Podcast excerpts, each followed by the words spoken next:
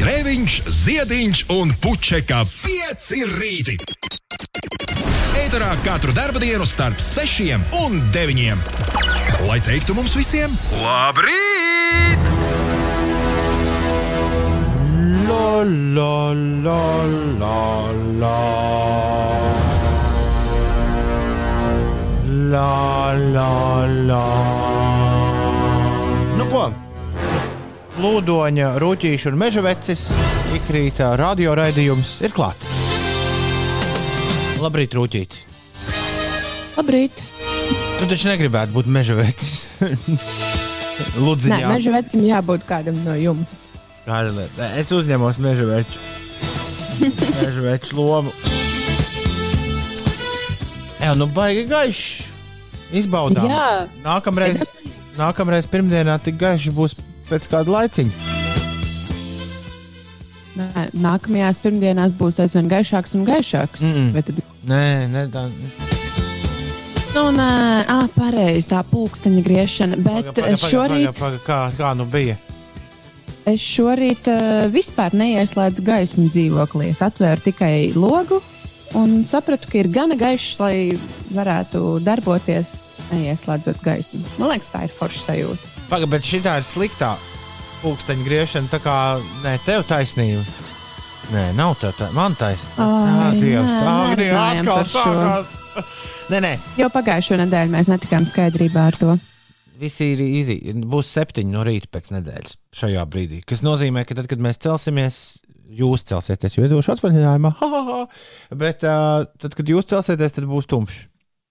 Tāpēc arī manis teiktais bija pilnīgi pareizs. Uh, jā, izbaudām šo gaismu, kuru mēs redzam aiz loga, jo ilgi tāda nebūs. Nu, mm, būs bijis jāpagaida kāds mēnesis, līdz atnāksim atpakaļ pie tā brīža, kurā esam. Bet visādi citādi, man liekas, brīnišķīgs rīts, vai ne? Jā, skaisti, debesis skaidrs. Mm. Nu, vējains izskatās mazliet. Sveiciens visiem, kas ir modušies. Pieci rīti ir klāt.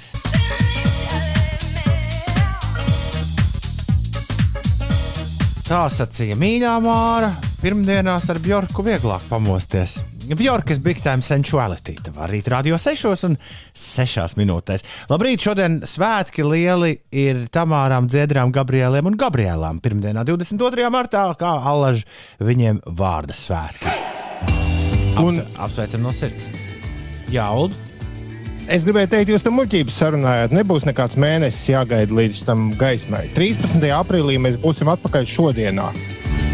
Nu, gan drīz, Ko mums runāja muļķības? gan drīz Jā. mēnesis, 19 dienas. Viss kārtībā. Aicinu šodien miegs nāk, jo vakar viņš noskatījās 4 stundas un 2 minūtes. Tas ir līgi. Es teiktu, ka garā versija ir labāka, jo tur visu sīki un smalki detalizē. Īsajā filmā es neko nesapratu. Jauku dienu visiem! Justice League. Jums ir kaut kāds baiss stāsts par to filmu, jo fani pieprasījuši. Tai, kā to sauc, nu, kā sauc, uh, nu, kas ir Warner Brothers? Nu, DC. Ko tu gribi no manis? Nē, ka- kas, kas, kas tie tādi ir? Warner Brothers vai MGM? Kom, kom, filmu studija. Nu, jā, filmu studija, aizmirst to vārdu. Pra- Pieprasīja filmu studijai šo režisora Griezienu. griezienu. Jā, es, es īsti nesapratu, jo neesmu kino zinātājs, bet es lasīju, ka šis ir neredzēts un, un bīstams precedents Holivudai. Most expe... Es apstājos pie tā, ka Justice League ir visdārgākā filma, kāda jebkad ir radīta. Šāds fakts uzreiz no Wikipēdijas metas virsū. Bet Zaks Snaiders, viņš arī Watchmen filmu ir taisījis. Viņam tas džeks jau viņš nejūt uh, mēra. Es pilnīgi iedomājos. Un, uh, un viss, ko viņš ir darījis, viņš visu savu mūžu taisījis tikai superfilmas. Un uh, šis, šis direktors Kats ir izlaists burtiski, nu, pat es tādu noprotu. Jā, 18. Snaideru atlaida, 18. jā? 18. martā. Nu, viņš gan skaitās vēl režisors joprojām. Bet, jā, četras stundas, wow. Orģinālā Ah, nē, viņš aizgāja traģisku notikumu iemeslu vadīts. Viņš vienkārši aizgāja no filmas un cits pabeidza. Jā. Faniem nepatika. Fani teica, dodiet mums Snaiderkatu. Un Snaiders uztaisīja četras stundas. Lieliski. Varētu. Uh, ok. Mūžs dzīvo, mūžs mācīs. Katrā izgājienā kaut ko jaunu var uzzināt. Aicis, bet, um, bet vismaz prieks lasīt, ka bija tā vērts. Mārķis arī ir pamodies, un Alfreds arī ir pamodies. Alfredam šīs nedēļas galvenais notikums - futbols Latvija Melkalna. Nu, galvenais, lai ar 0-0 nebeidz. Tad jau, tad jau būs labi. Jo tad, ja ir 0-0, tad Ulas parasti grasās izsvītrot futbolu vispār no sporta veidu kalendāra ārā. Nu, ir spēles, kur divi viens arī neglābi. Okay. Tas ir 90 minūtes. okay. Nu, vien, Nekas nenotiek. un viena tu bumba vārtos reizes 30 minūtēs. Nu.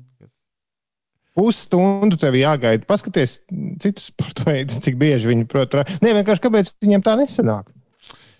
Ir 6,13. Tur viss liels ir. Laukums liels, vārti lieli, ego, e- ego lieli. Galu galā, kas skraida pa laukumu. Ā, neko tu no tā futbola nesaproti.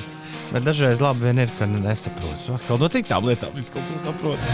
Lom, pom, pom, pom, pom. Labrīt!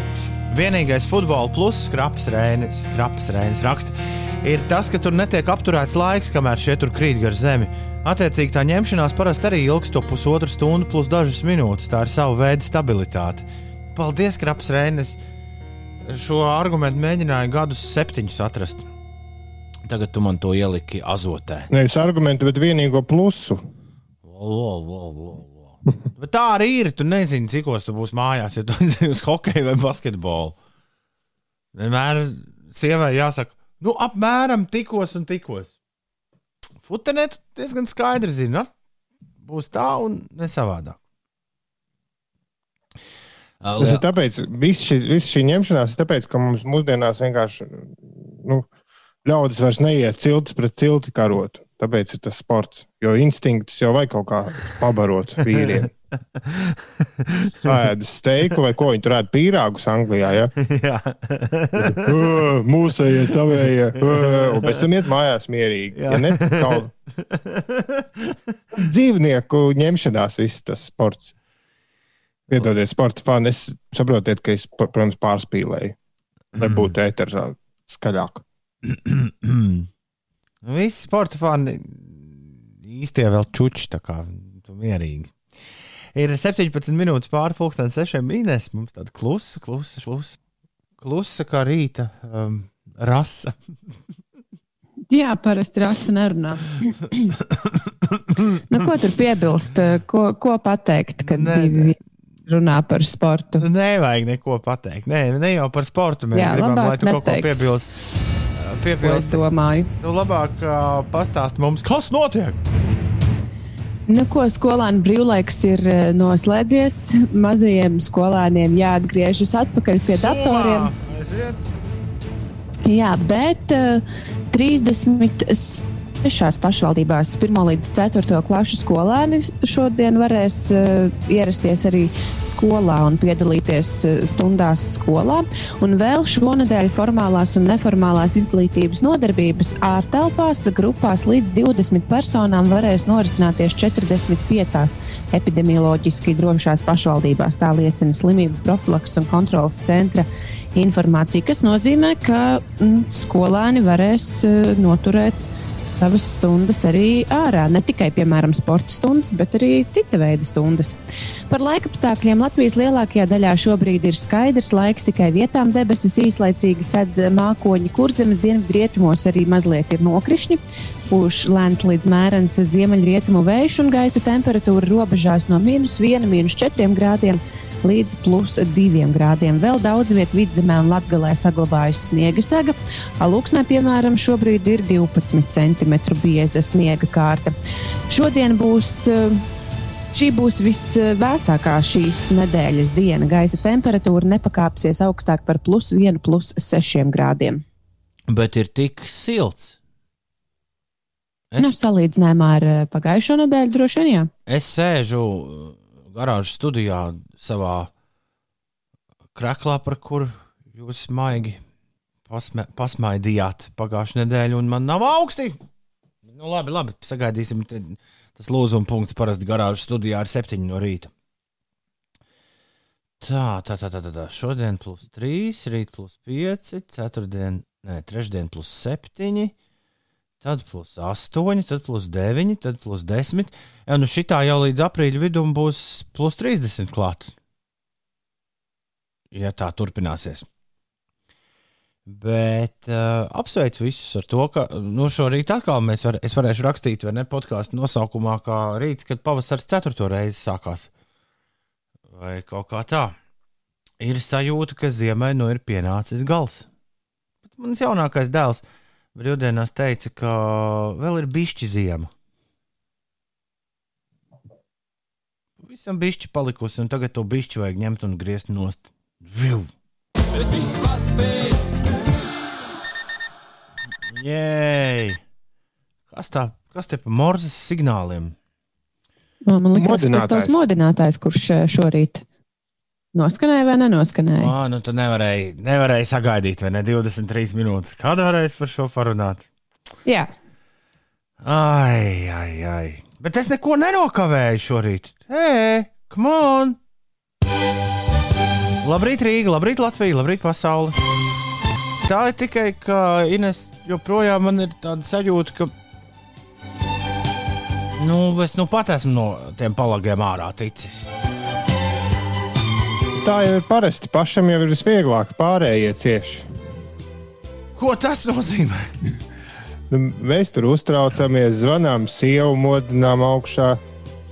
Bet ļoti labi, ka, ļoti labi, ka ir tāda opcija. Iedomājieties, viens pats dzīvot. Tagad joprojām čučētu baltos palagos un maz nezinātu, rīts jau klāts. Bet, uh, bet viss taču ir labi. Viss labi beidzies. Man ir jāatsāk, to, es to ik pa laikam aizmirstu. Es to daru, daru, daru, tad saprotu, ka no tā nav nekāda jēga, un es aizmirstu, ejot, ejot gulēt, ieslēgt uh, rīktīgu skaņu tā, lai, ja nu kas jūs man varat sazvanīt lielā skaļumā. Jo man ikdienā visu dzīvi es pavadu ar telefonu, kuram ir izslēgta skaņa.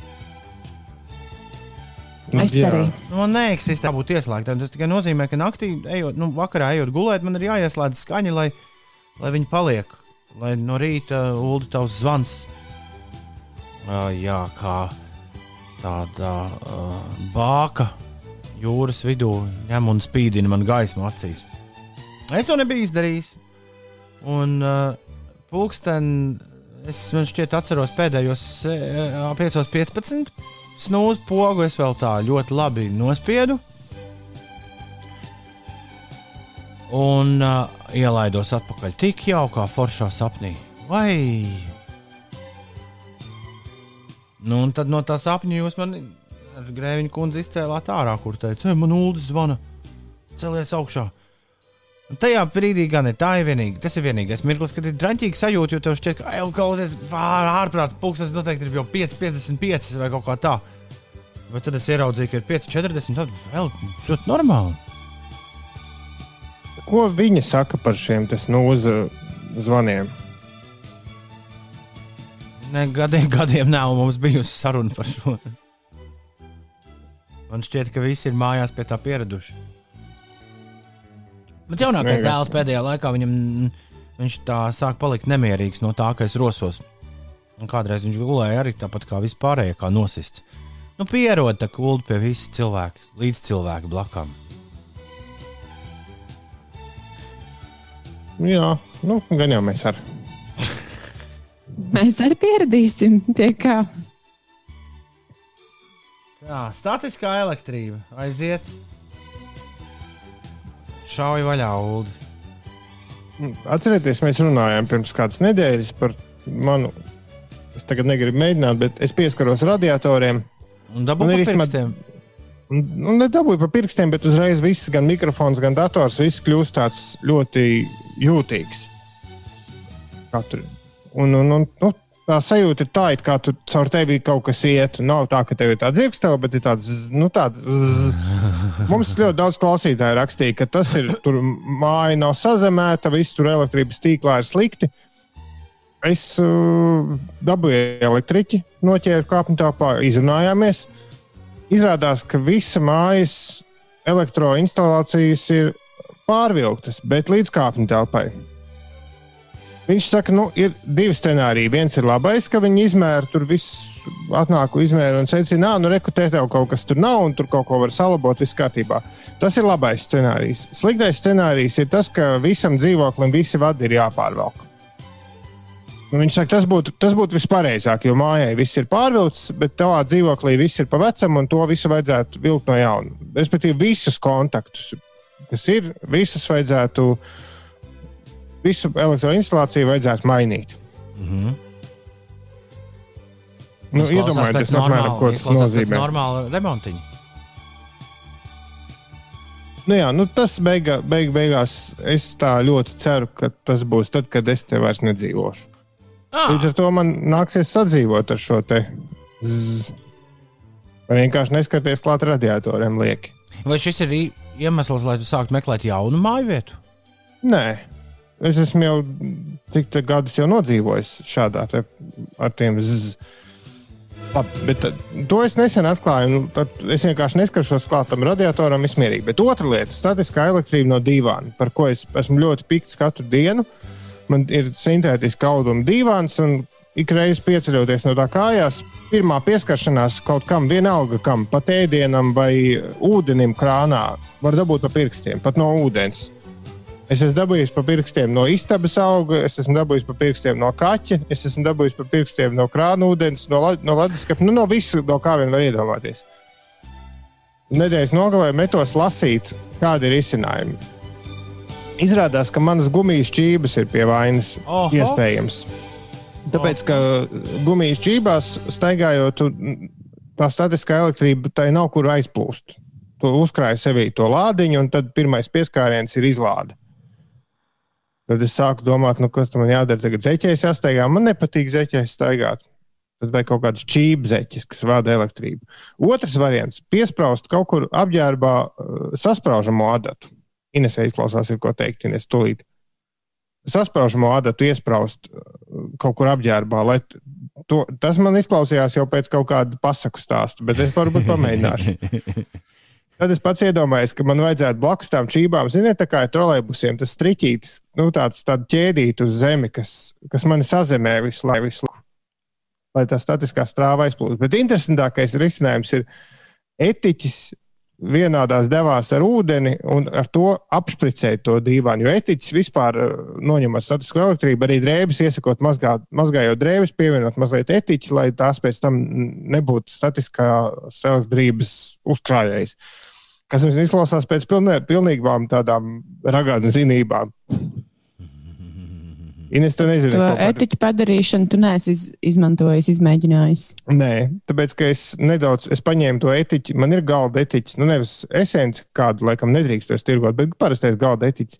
Es izņēmu to no pieliekamā un tikai pieskaroties tam vāciņam nedaudz, man pēc tam visu dienu rokas smaržoja pēc etiķa. Tad iedomājieties, kā smaržos dzīvoklis pēc tam, kad es divānu tur pšk, pšk, pšk, pšk.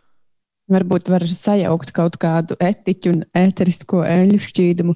Bet uh, man ir tieši tāda pati problēma mājās. Es gan to neesmu novērojusi no tā, vai es pieskaros vai nepieskaros radiatoriem, bet es visu laiku dabūnu pa pirkstiem jā, no visa. Tas atlikums bija tas, ka dzīvoklis ir pārāk sauss. Yep. Gaisa mitrinātājs palīdzot pret visu, bet. bet Saņēmušies tos nopirkt, jūs vēl nesat. Dārgi. Es te vienu brīdi biju ļoti sasparojusies, bet jā, man liekas, tā cena, kas ir pieejama, ir diezgan neadekvāta. Man nav ne jausmas, kur mēs vētu droši vien izmetām, kur manējais palika. Trakākais ir tie filtri, tie maksā baisu naudu. Un tie ir jāmaina rīktīgi bieži. Sensīts Dainis izsacinājis no iepriekš stāstītā, ka ULDis ir staigājošais kondensators, ar ko mēs arī ULDI apsveicam. Labs. Forši. Es ceru, Jā. ceru, ka kāds atrakstīs, vai tā, tas joks ar sasprāžamo adatu kaut kur pie apģērba strādā vai nestrādā. Tas man visvairāk fascinē. Lapsiņa ir super. Trusim vajadzēja, lai mēs tā pasakām. Lapsiņa, tu esi super. Un man ir bail par Čiriku. Ines. Čiriks, nu, nu. Čiriks raksta, šodien laikam sanāks noslēgt dīķu hokeja sezonu. Vakar vēl labs ledus bija. Tālāk jau vairs nu nebūs ej. iespējams. Izklausās Vēl diezgan, ne, izklausās diezgan neticami, vai ne? Priekš hoķi vēl. Čirika uzmanies. Uzspēlē hoķi peldvestē. Labrīt, Ulu, izslēdz savu dzīvokļu korķus un tad pieskaries tiem radiatoriem. Tad tu zināsi, vai tava dzīvokļa instalācija ir vainīga, raksta Vadeks. Šo eksperimentu vispār tu varētu arī izveikt bez konsultācijas ar elektriķi. Jā, bet ne ēteru laikā. Jā, ēteru laikā viss kaut kas apstātos, vai ne? Mm, tā dators turpināt darboties. Internets apstātos. Internets apstātos. Jā. Internets apstātos. Nē, nē, nē, nē, nē, nē, nē. Etera laikā šādi eksperimenti nebūs. Tāda cilvēku uz augšu cilājoša dziesma, kas dara visos svētkos. Ziemassvētkos labi skan, lieldienās lieliski, Jāņos, jā, ja pēkšņi līgo bez līgo apnicis arī tīri labi ies vaļā. Tāpat arī vasarai noslēdzoties un pirmajām rudens lapām krītot. Coldplay vienmēr nāk talkā.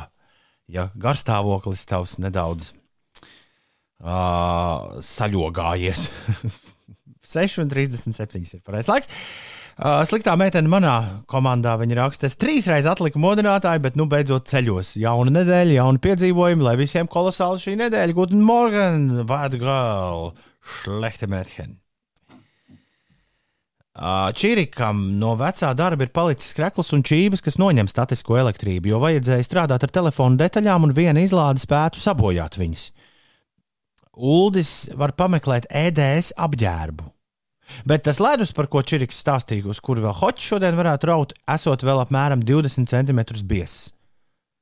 Kā tu to vari zināt, Čirik? Tu ar lineālu izdurt, izurb, izurb šo te caurumiņu un tad ar lineālu mēri, cik ir? Viņš varbūt ir viens no ziemas peldētājiem. Un skalda āliņģi. Uh, var izraut no rozetēm, vadeks raksta. Tās ierīces, kam ir trīs kontaktu dakšas, tātad tādas kā veļas mašīna, boileri, ja tāds ir. Vienkārši sakot, kontaktdakšas ar sazemējumu. Tās rada šādu lietu. Baigi sarežģīti vadikas. Nu, jau tas kļūst jau par kaut kādu apspēlības uzdevumu. Tas te vienkārši pieskaros radiatoram, nekas nenotiek. Pieskaros ar otru roku mikrofonam, datoram vai jebkam citam, kas ir piesprāstīts pie elektrības. Kaut kas notiek. Līdz ar to skaidrs, ka izslēdzot korķus, nekas nenotiks. Bet vasarā tā nav, vai ne? Nē, šis Ines tam cēlās divus stāstus kopā. Šī nav statistiskā elektrība. Šis ir cits stāsts. Šis ir par to, kas man tīklā notiek. To es nesen atklāju. Tam nav sakars ar dīvānu un ar tiem sprikšķiem ikdienā. Uli vienkārši ir tik Kāpēc daudz par elektrības. problēmu. Divām gandrīz vienādām lietām vienā dienā. Skaidrs, ka var sajaukt visus kopā. Tāpēc, ka es gribēju izstāstīt šo te stāstu par elektrības instalāciju, bet Toms spēlētāji par statisko elektrību, kas ir cits stāsts. Lieliski, lieliski, Tā lieliski. tad Toms pie visa vainīgs. protams, Nu, kā, nē, kā alažs, kā nu, nē, bet tie ir divi stāsti. Trusis ir super, superīgs, raksta lapsiņš. Viņi tur mainās abi trusis ar lapsiņu ar ziņām šorīt. Jūs abi divi esat mm, mm, mm. īsti, īsti buču ģīmīši. Varbūt aizsūtīt Torti Prosim, lapsiņas numuru vai otrādi. vai torti viņiem aizsūtīja? Tu domā, ka viņiem nav vienam otru telefona numurs? Vai tortes. Mm, ir bez 20 minūtēm, 7. Es domāju, Ines, ka tagad ir īstais laiks tev mums pastāstīt, kas notiek. Domā? Mm -hmm. Nu, labi. Es sēžu pie loga, skatos, kā mākoņi ir tomēr uzradušies eh, Rīgas debesīs. Bet uh, kopumā šodien ārā, vismaz šajā brīdī, ir diezgan skaidrs laiks. Tikai vietām debesis īslaicīgi sedz mākoņi, gaisa temperatūra pagaidām mīnus 1, mīnus 4 grādi, piekrastē mazliet siltāks, plus 2 grādi. Daudziet eh, vidzemē un latgalē vēl saglabājas sniega sega. Īpaši alūksnē tur ir novērojami 12 centimetri sniega segai tāds biezums. Šodien Latvijā būs eh, plus 1, plus 6 grādi, kas nozīmē, ka šī būs nedēļas vēsākā diena. Saulainākais laiks saglabāsies vidzemē un latgalē. Valsts rietumu un centrālajā daļā saradīsies daudz mākoņu un vietām gaidām arī īslaicīgi nokrišņi. Būtīs mērens ziemeļrietumu vējš un valsts centrālajā un austrumu daļā Tas būs ar brāzmām līdz 13 metriem sekundē. Galvaspilsētā spīdēs saule, iespējams arī īslaicīgs sniegs, pūtīs dzestrs ziemeļrietumu vējš un gaiss šeit iesils līdz plus 3 grādu atzīmē. Atgādināšu, ka skolēnu brīvlaiks ir beidzies. Šonadēļ klātienes mācības 1 līdz 4 klašu skolēni varēs atsākt 36 pašvaldībās, bet kopumā 45 epidemioloģiski drošās pašvaldībās varēs noturēt grupu nodarbības ārtelpā. Pā, pā, pā.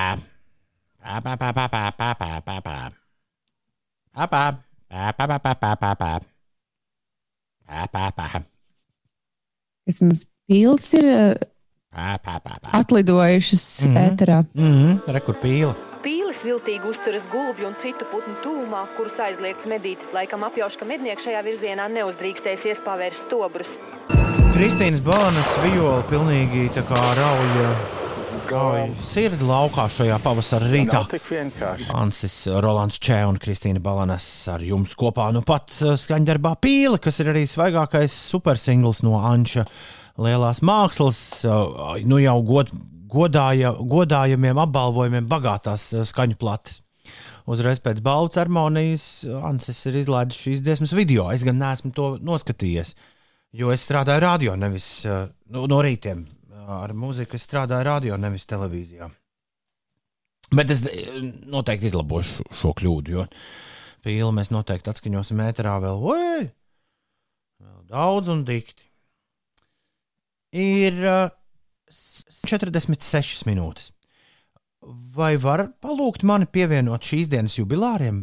Raksta Linda. Šodien man, rīt vīram, būtu ļoti jauki un uzlabot pirmdienas rītu, dodoties uz darbu, dzirdēt muzikālo sveicienu un huldu balsi. Nu, uh, Linda, to es pievienotu šorīt pavisam noteikti jubilāriem Uldi, un uh, Lindai varbūt arī kaut ko var nodziedāt tādu skaistu. Mm, nē, Linda, Uldim laikam nav dziedamais šorīt. Es pievienoju jubilāriem. Jubilārus jau mēs veicam pēc septiņiem. Prātnieks prasa, labrīt, Tom, kā gulēji, kā pirmdien. Prātnieks, kas tev ir? Kas tev lēcies? Es taču to neprasu. Ko izprātoji pa nedēļas nogali? Bet ļoti pieklājīgs jautājums. Kā Jā, gulēji? kāpēc tu nevari atbildēt? Nu, struntīgi aizgulējos, paldies! Bet tu aizgāji gulēt riktīgi laicīgi, vai ne? Pirms Nu, bet, deviņiem. Jā. bet, protams. Es gāju gulēt visātrāk no mums. Jā, nu tas ir tas paradoks. Es noteikti pulksteni divos dienā no visiem mums jutīšos vislabāk, bet, uh, bet šobrīd man sīmans, tā teikt, joprojām, uh, joprojām grib valdīt pār mani. Labi, ka, labi, ka mēs neesam studijā. Jo tad, paļaujoties uz jums abiem, mirklī, kad skanētu divas dziesmas pēc kārtas, es šorīt ietu nosnausties. Prātnieki to sauc uzkāpt uz važacīm, jo jautājums bija pilnīgi ne par šo rītu. Kā ne par šorīt, jau tas bija kā pirmdiena. Pirmdiena ir brīnišķīga.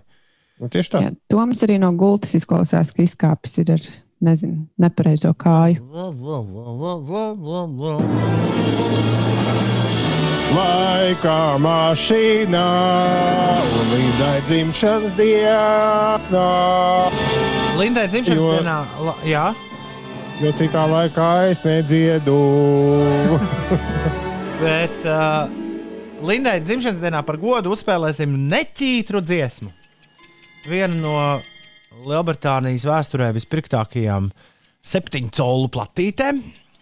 Tas Outhier brothers vai kā viņas tur Dziesmu, dziesmu, dziesmu, tad, kad mēs Ulu bijām mazi zēni, dziesma nāca klajā. Inesēja atkal pamats jau sākt ļaustīties. Veca mūzika te spēlē. Bet jā, uh, dziesma Ines parādījās pie apvāršņa, kad mēs bijām ar Ulu mazi zēni. Un dziesma slavena ar to, ka par spīti tam, ka tā kļuva par vienu no visu laiku vispirktākajiem uh, supersingliem, dziesma Ā, BBC paziņoja, ka nedrīkst spēlēt nevienu no BBC radiostacijām Lielbritānijā. Jo, Tad kāds vispār to dziesmu dzirdēja? jo dziesma ir pārāk seksuāla. Mhm. Nu, jā, uz veikalu varēja aiziet un dziesmu nopirkt, un diskotēkās ar to spēlēju. Jā. Es teiktu, Šitas drusim un lapsiņai. Jā, es teiktu, ka šis, uh, šīs plates singla vāciņš, es šobrīd uz to raugos, mūsdienās neizietu krastā, jo dāmai nav biksītes, bet vīram ir. Vīrietim, kas ir dāmu apģērbs, viņi ir apģērbušies tā kā ar mugurām viens otru. Tas bija ļoti interesanti. Tā kā mugura pret muguru. Uh, un, un, jā, dāmai ir pliks dupsis, bet vīram ir lateksa biksītes uzvilktas. Dāmai ir atkal lateksa augšņa un melnas zeķes un, un augstpapēžu kurpes. Un tā viņi abi divi. Es nezinu, kādus. Vīram ir melnas zeķes. Es mēģināšu jums parādīt, lai Ja nerāda, mēs Es jau minēsim vēl. ne bez nosaukuma. Es Pēc mēģinu tam. parādīt, jūs redzat šo bildīti. Nē, tu izslēdz kameru. Ak, Dievs! Nu, tā. tā ir. Ui, šitā redzat? Tavu Nē. roku mēs tagad redzam. Nē, neredz neko. Neredzam. Nē, bet Kur man te ir kamera? var jau iedomāties. Nu, neredz, viņš spīd. Tur balts Ah. pleķis tikai. Nē, es gribēju Nekas saprast, pēc- ko viņi vingro. Kā, kas tieši tas vingrojums, ko viņi tur izpilda? Es tādu neesmu redzējis iepriekš. Labi, ievads jau ir stipri pa garu. Dāmas un kungi, jums jāpasaka, kas izpilda šo kontroversiālo supersinglu. Man liekas, ka kādu gadu iepriekš šie angļu jaunieši nopirka vienu princa albumu, un tad saprata, ka viņiem arī ir jāiet tādās pašās pēdās.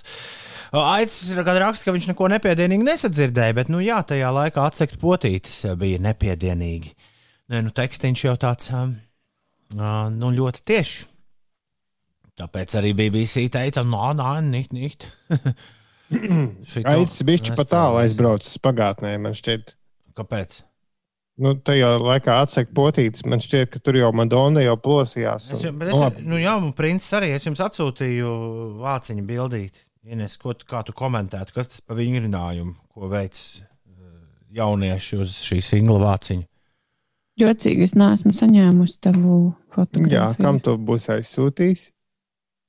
Nā, Tas ir labs jautājums. Bet, nu, lai nu kas ir attēlots uz vāciņa, man nav ne mazākā. Es biju aizmirsis nospiest sūtīšanas podziņas, atvainojos. Rekur, rekur vingrinājumiņš. Ines, kas Ne mazākā nojausma, kas šo dziesmu izpilda. Un Ā, bildi, viņi, jā. es, viņi tur em, tās em, muciņas tās ir sporta stundās. Nē, es nekad tā darīju, kad saķerās ar alkoņiem kopā mugurā. Bet kāpēc? Tas palīdz eh, mugurai. Jā, bet kāpēc Viņi dāma, kur, kur dāmai biksiņas palikušas? Uh, jā, nu, tas ir labs jautājums. Tā sporta stundās labāk neierasties. Uh, Uldi, kā sauc grupu, kur mēs dzirdējām? Jā, es diemžēl zinu, lai gan 83. gadā es pat ar puiku sev vēl nesauktu, bet uh, tas bija Frankija Goes to Hollywood. Un ne tikai Uldis, bet arī Siguldas, Edgars, Dzintārs, Aija, uh, Ogotājs, Dzintārs, Zaļā vārnā un vēl arī kāds anonīms klausītājs ir atbildējuši pareizi un dodas pie ledus skapja ēst kaut ko garšīgu. Jo viņi zina, ka tie bija Frankija Gosta Hollywood. Bija arī daudzas interesantas versijas. Lauma rakstīja, ka tas bija Mikā, ko mēs dzirdējām. Tā teikt, sadzirdēja uh, līdzības. Un tad vēl es neieskaitīju Fredija Gaustu Hollywood.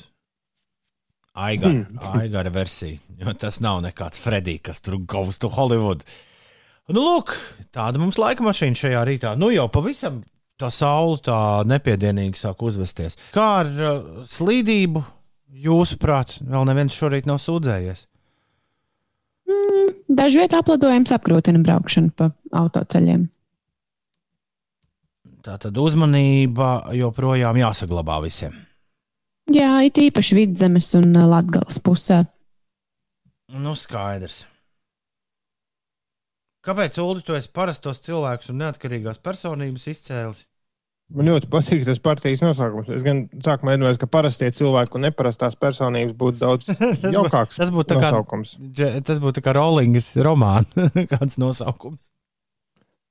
parastie cilvēki un neparastās personības. Nē, es labi, ļoti labi, ka es novērsu uzmanību, jo jubilāri nav, eh, nav vēl salikti.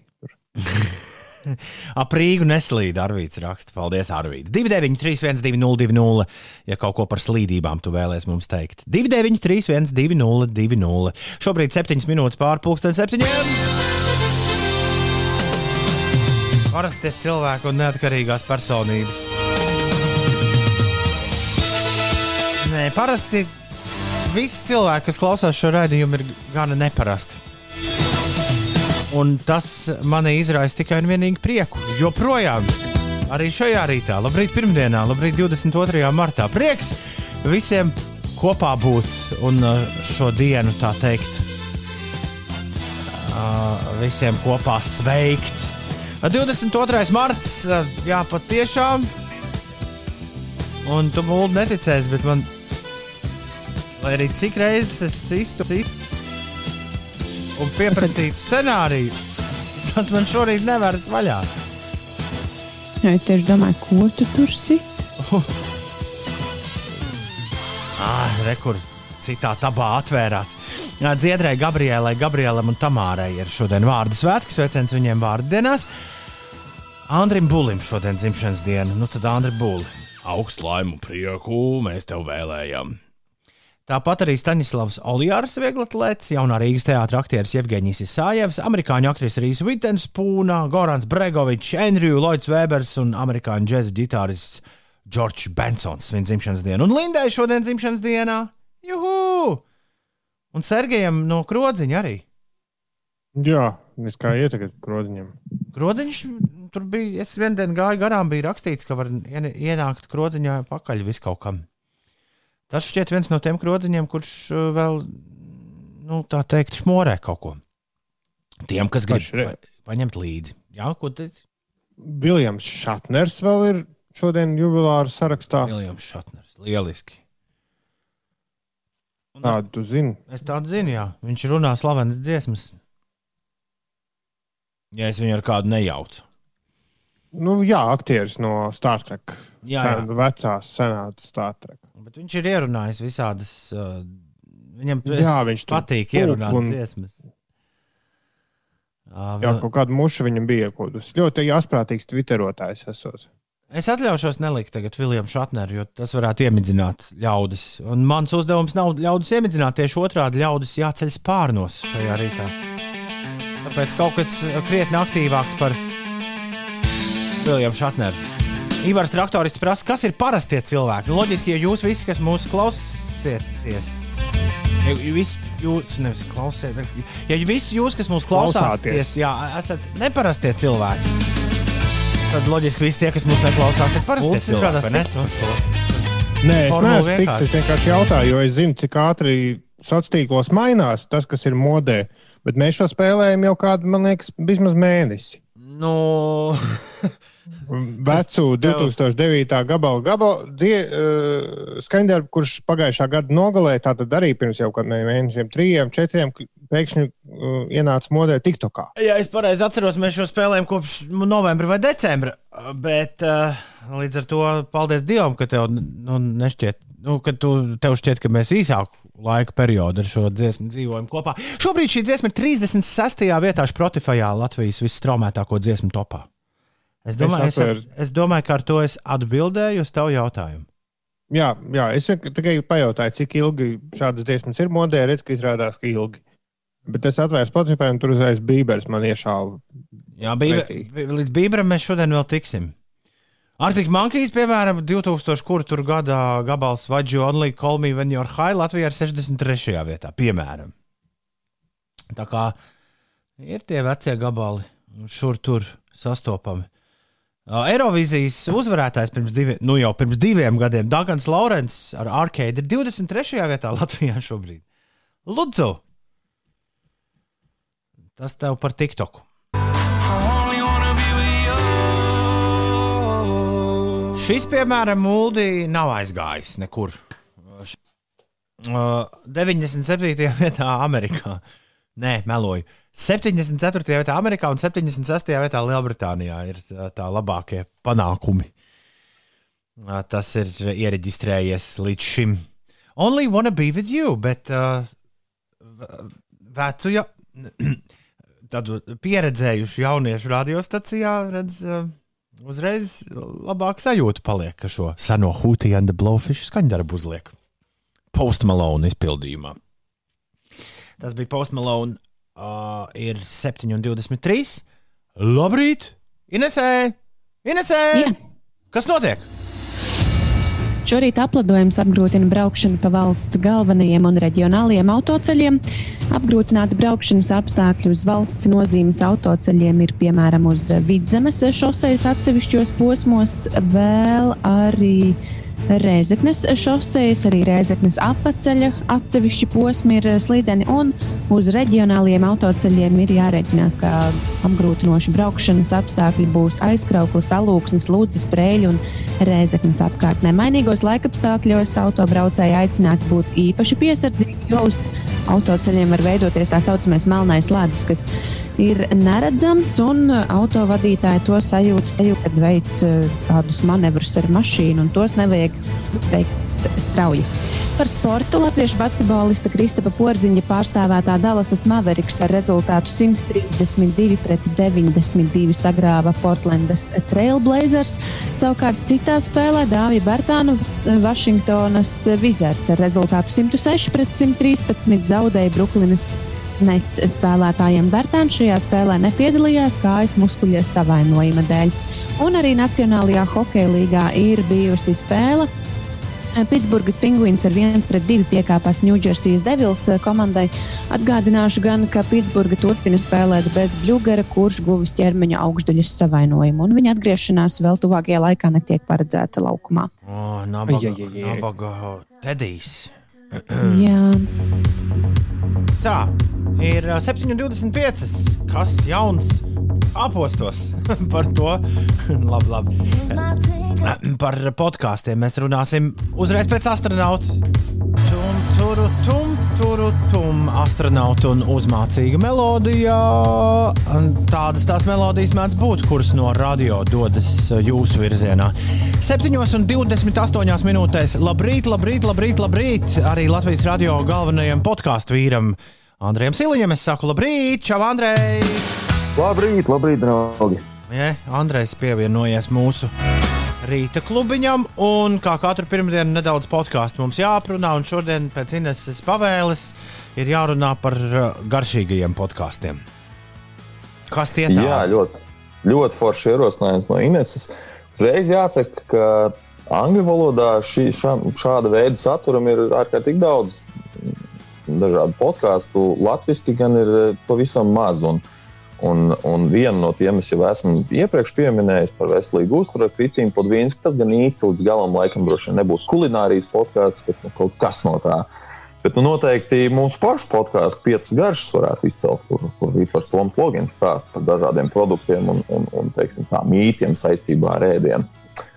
E, Bet, ja mēs paskatāmies plašāk, tad es noteikti gribētu ieteikt tādu ļoti feinu podkāstu, Food Courts. E, Tas ir e, podkāsts, kurā e, ASV realitātes šova Top Chef, e, viens no laureātiem, pavārs Ričards Blais, ir e, tiesnesis, kurš, kurš izšķir strīdu starp diviem viesiem. Nu, viesi pārsvarā ir citi pazīstami pavāri, aktieri vai komiķi. Un strīds ir par to, kas ir labāks. Rīsi vai nūdeles, hamburgeri vai hotdogi, tur bekons vai cīsiņi. Un, un eh, kino viņi- popkorns vai es- kino, šoko, eh, kino saldumi.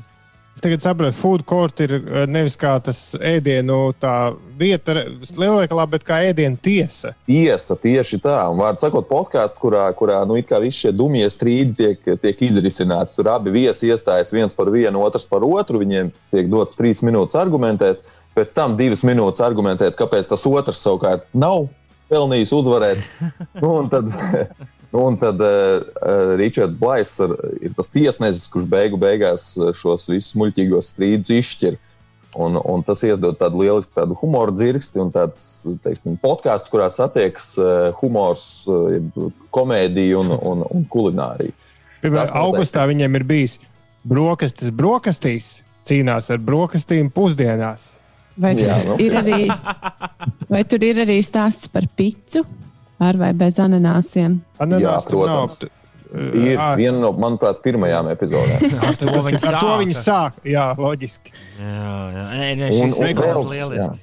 Food Jā, Jā, pineapple un pizza ir, jā, protams. Un pagaid, nu, cik garš tas viss, tā, tā, viss tā ambrāža vienā epizodē sanāk?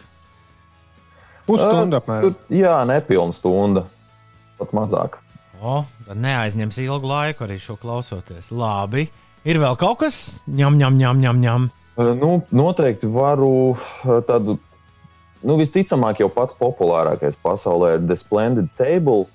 Uh, tas gan 97. gadā sākās kā amerikāņu mm, sabiedriskā mēdīja radiošovs. Un tagad ir arī podkāstos pieejams. Tad, nu, tas ir droši vien apliecina tas, ka, tas, ka Saturday Night Live tieši šo saturu, šo programmu ņēma kā, kā pamatu vienai no saviem parod- parodijas sketčiem, Delicious Dish. Un tad, un, savukārt šis parodijas sketčs atkal ir at- atzīts par vienu no pieciem labākajiem, vismaz The Guardian aptaujā, eh, tieši The Saturday Night Live. eh, Sketčiem. Nu, jā, nu, tas, tas gan ir tāds klasiskāks formāts podkāsts. Un podkāsts, teiksim, tā viņi paši reklamē kā podkāsts, kuriem eh, cilvēkiem, kuriem patīk ēst. Nu, tā kā gluži vienkārši tādi izglītojoši segmenti par, par ēdienu, par ēdienu gatavošanu, kultūru, arī intervijas ar pavāriem, ar vīna ekspertiem. Tas ir tāds, nu, varētu droši vien teikt, ka populārākais pasaulē. Lai gan atsevišķi sadaļas, diemžēl, kulinārijas podkāstiem kā tādiem nav uh, lielajās podkāstu platformās. Uh, kā, nu, noteikti vienu tādu pašu, pašu populārāko droši vien ir diezgan subjektīvi. Ļoti grūti. Interesanti, ka tādu pasaules slavenu pavāru nav. Es skatījos, Jamie Olivera podkāsts ir kaut kad 2008. gadā. Viņš ir podkāst- podkāstojis un tad pārstājis un nav, tagad nav otrajā podkāstu vilnī atsācis. Un vispār tādu slavenu pavāru podkāstu īsti nevar atrast. Ir visi Nu, ir tie, kas kā šīs, kā Ričards Blais, kurš ir, kuri tagad kaut kad nu, salīdzinoši nesen ir ieguvuši tādu popularitāti caur dažādiem tur realitātes šoviem vai tam līdzīgi. Bet jā, tādu lielo, lielo vārdu tiešām nav. Bet viņiem Jā. ēst jātaisa ulu. Un, Jā, Andrej, viņiem nav nu, laika vienkārši. Viņiem jāgriež, jāgriež sīpoli un jādomā receptes. Bet, Mārtiņ, ja tu mūs dzirdi, tad niša ir brīva. Jā, man liekas, ka Obligāti. tas ir arī tas uh, nu, sausais atlikums. ka Vēl šajā vilcienā, rīt var tom piedod, bet vēl šajā vilcienā kāds vēl var ielikt. Tajā, tajā nišā pavisam noteikti vēl šis un tas var būt un arī sanākt. Forši, Andrej, prieks tev, kā katru pirmdienu redzēt. Nākamā nedēļa, tad jau redzēs, ar kādām ziņām atkal nāksi. Tad gan Magnus te būs manā vietā, bet uh, Varbūt Inesē vēl kāda ideja. Es varētu padomāt. Nu, es īstenībā vakar skrienot, klausījos uh, zīmīgi sarunu arī par, uh, par motivācijas gūšanu, tieši lai izietu ārā un pasportotu. Es zinu, ka ir daudz, nu ne daudz, bet ir vairākas sarunas par, uh, jā, par sportošanu tieši. Par Amatieru sportošanu. Varbūt ka tas ir virziens, bet tagad tam nav laika, Ines, jo es gribu klausīties par hotdogiem un ham, hotdogiem pret hamburgeriem. Tā kā man joprojām ir gavēns, tad hotdogs versus hamburgers man ļoti uzrunā. To es šodien darīšu. Bet pēc deviņiem, pēc deviņiem, Ulu. Andrej, liels paldies! Andrejs Siliņš kopā ar mums šajā rītā, lai labi podkāstu. Čau, Andrej! Atā! Čau! Atā. Ir ā, laiks mums noskaidrot, kas notiek. Ines stāsti. Ines stāsti, nu, kas notiek? Lietuvas pilsētā Kaunijā ir notikušas laimes dienas svinības. Tās vienlaikus bija arī gatavošanās Eiropas kultūras galvaspilsētas projekta ietvaros plānotajiem pasākumiem 2022. gadā.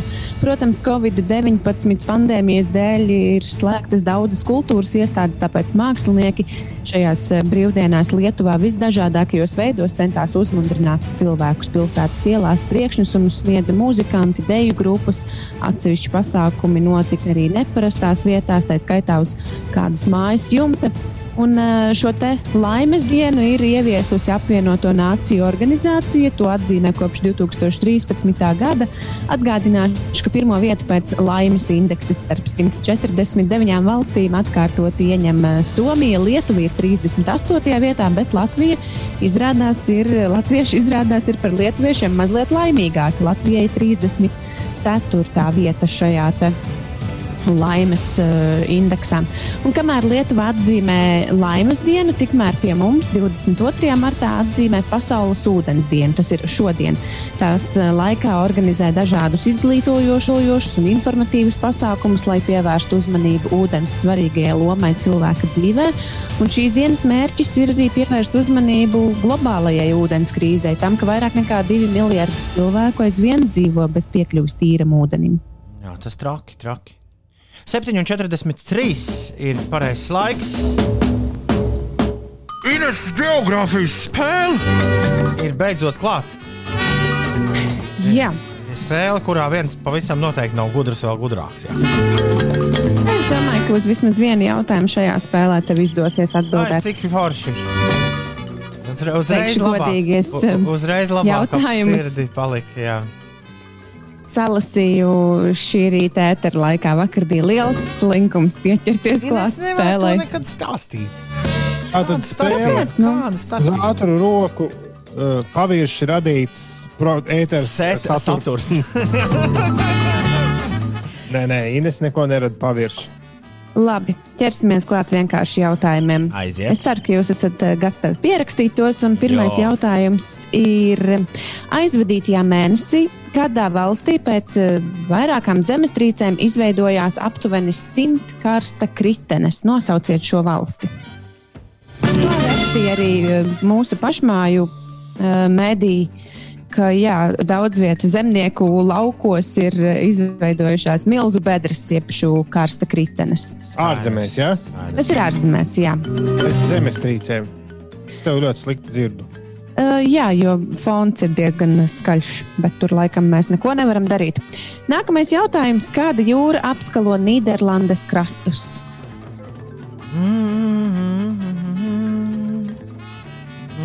Es ceru, ka arī ar šo jautājumu jūs uh, veiksmīgi tiksiet galā. Labi. Uh, Manuprāt, arī uz šo jautājumu jums būs pareizā atbilde, kurā salā aizvadītajās brīvdienās ir izvirdis vulkāns.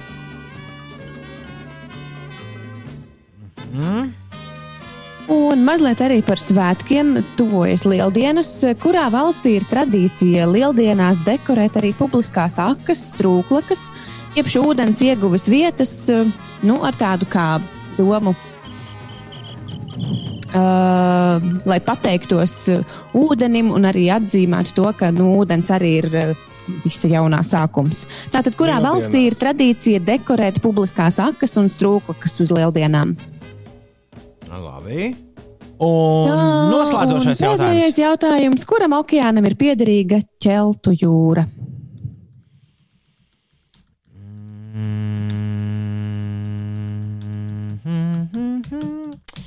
Labi, jautājumi ir pierakstīti. Mēs tagad bišķi apdomāsimies un būsim tūdaļ atpakaļ ar atbildēm, kā tas parasti notiek. Tad, kad šeit pirmdienās notiek Ines geogrāfijas spēle. Celeste uzdziedās tikmēr, kamēr mēs domājam atbildes. Oi, kurš šis ir jauks gabals. No skaņu plates Not Your Muse. Šorīt Celeste ar The Promise 7,49 minūtēs. Labrīt, labrīt, labrīt. Nekāda miegi, ceļas augšā, ceļas veļas. Ines geogrāfijas spēle. Tagad laiks atbildēm. Jā, Uldis ir vinnējis aizvadītās 250 spēles pēc kārtas, un tāpēc viņš startēs. Ines, lūdzu. Jā, pirmais jautājums. Bet, eh, tu kaut ko bija- gribēji teikt. Nē, es nolasīšu vienkārši jautājumus. Tātad pirmais jautājums bija par eh, to, ka kādā valstī aizvadītajā mēnesī ir notikušas tik daudz zemestrīces. Un tādas zemestrīces, ka ir izveid- izveidojušās ap simt karsta kritenēm. Nosauciet tātad šo valsti. Jā, man ir diezgan liels aizdoms jautājuma piezīme uz mani šoreiz attiecas, jo es tiešām pārāk daudz ko zīdu no pirksta. Bet, nu, līdz ar to, tā kā es neesmu sekojis ziņām, neesmu dzirdējis neko, tad es vienkārši minu, ka tā ir Ķīna. Labi, tas ir tavs minējums. Kāds ir Toma minējums? Mans minējums pirmais bija, ka tā ir Islanda, bet tā kā pie šīs valsts mēs vēl atgriezīsimies, tad uh, tu jau parasti nemēdz tādas spēlītas spēlēt, tāpēc man arī kā ziņu nesakotājam ienāca prātā, ka tā varētu būt Japāna. Ja seismiski viss kaut kas ir aizgājis grīstē, tad viņiem varētu būt šī problēma. Diemžēl šajā jautājumā nevienam no jums nav punkta, bet mūsu klausītāji gan ir sekojuši līdzi ziņām, un geogrāfijas grādu dzintars un Čaks Nauris ir atbildējis pareizi. Tā ir Horvātija. Oho! Jā, tur esot izveidojušās daudz šīs bedres zemē, ko mēs saucam par karstu kritenēm. Wow, Labi, otrais labi. jautājums. Kāda jūra apskalo Nīderlandes krastus? Ziemeļjūra. Uldi. Šis ir ļauns jautājums. Man arī ir rakstīts Ziemeļjūra, bet es, es neesmu pārliecināts, kurā brīdī beidzas Baltijas jūra un Ne, Baltijas jūra tā vairs nav ulu. pie Vācijas Labi. ir vēl Balti- Baltija. Bet labi, lai Varēsi. Ziemeļjūra. Varēsiet prātot par Baltijas jūru vēlāk, jo pareizi gan šī atbilde ir jums abiem diviem. Tā ir Ziemeļjūra. Un trešais jautājums. Kurā salā tad aizvadītajās brīvdienās ir izvirdis vulkāns? Salā. Jā, Nu, salā. Nu, Jā. Islanda taču ir sala. Ai, latviski. Islanda. Jā. Ah, nē, Islanda. tā ir ledus zeme. Ja? jā, jā. jā, Islandē, jā. Islandē, Tā ir Islandē, Islanda. Islandē. Es gribēju arī mēģināt izburtot šī vulkāna nosaukumu, bet es nezinu, vai man tas sanāks Fagradals Jadla. Jā, ļoti sarežģīts vulkāna nosaukums. Netālu no Reikavīka šis eh, vulkāns ir sācis darbību. Ak, izvirdulis. Jā. Jā, jums un, protams, arī klausītājiem ir punkts šajā jautājumā. Un te mums kāds klausītājs rakstīja, līdz ko ir jautājums bez geogrāfijas, bet par lieldienām tā zināšanas izplēna. Nu jā, daudziem ir eh, atbilde nepareizi jau eh, vismaz tajās at- atbildēs, ko es lasu uz nākamo jautājumu. Kurā valstī ir tradīcija dekorēt publiskās akas un strūklakas eh, uz lieldienām? Tam jābūt ir, tai jābūt kādai siltajai zemē, un es teikšu, ka tā ir Itālija. Uldi, Es ko tu pat saki? netālu esmu uz Grieķiju. Es aizsūtīju mums WhatsApp chatiņā šo tradīciju. Varbūt Uldis var nolasīt, jo viņam tā vācu valoda droši vien ir. Ah, Osterbrunnen. Jā, tā ir Vācija, kur šī tradīcija ir. vai. Šitā Tur te. dekorē strūklakas un publiskās akas ar lieliem lieldienu dekorējumiem. Labi, tas bija ceturtais jautājums. Šajā jautājumā punkts nav nevienam, nedz jums, nedz klausītājiem. Un pēdējais jautājums, kuram okeānam ir piederīga ķeltu jūra? Nu, minu kā Atlantijas. Tāpēc, Ko? ka noteikti ķeltu jūra ir kaut kur pie īrijas. Līdz ar to vajadzētu būt, ka tas ir Atlantijas okeāns. Nu, pareizi tu domā. Punkts abiem. Jē! Nu, Nu, tad re? draudzīgs neizšķirts pa ilgiem laikiem. Nemaz tik Trīs- slikti nebija šajā spēlē. 3-3, jā, bet tāda liela gandarījuma nav. Nevar būt. Nezinu, kāpēc. Ines geogrāfijas spēle tā bija. Ines, tev ir gandarījums vismaz par geogrāfijas spēli. Uh, jā, jā, man ļoti patīk, ka mūsu klausītāji ir ļoti zinoši. Labi. Tagad tev šāmanis Ines noburs par godu veiksmi- Galforši, man patīk tā dziesma. spēlei.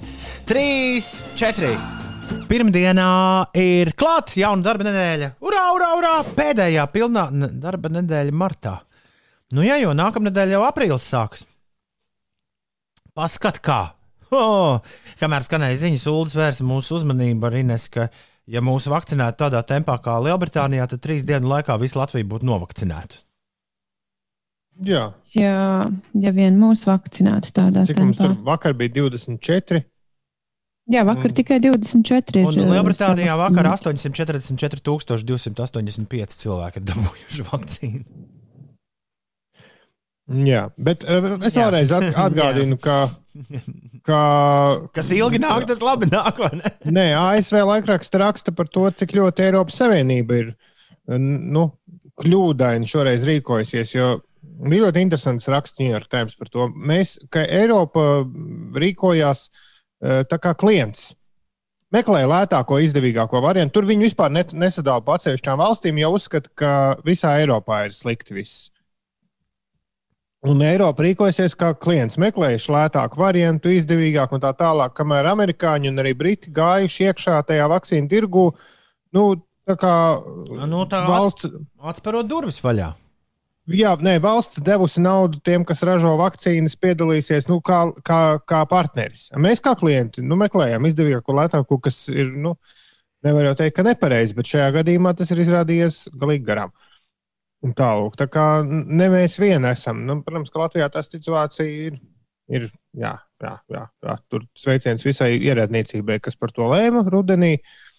Es gan vairāk sapiktojos par to Čakielas velo ceļu aptauju. Nu, nu. Par to varbūt jāparunā pēc brīža. Nē, nu, divas trešdaļas aptaujā, kas ir veikta decembrī, aptaujāts 500 cilvēki. 65% iedzīvotāju un uzņēmēju uzskata, ka uh, ir pret, nu, ka tā sagādā nērtības. Un vis, viskritiskāk pret pagaidu velojos izturas purciem iedzīvotāji.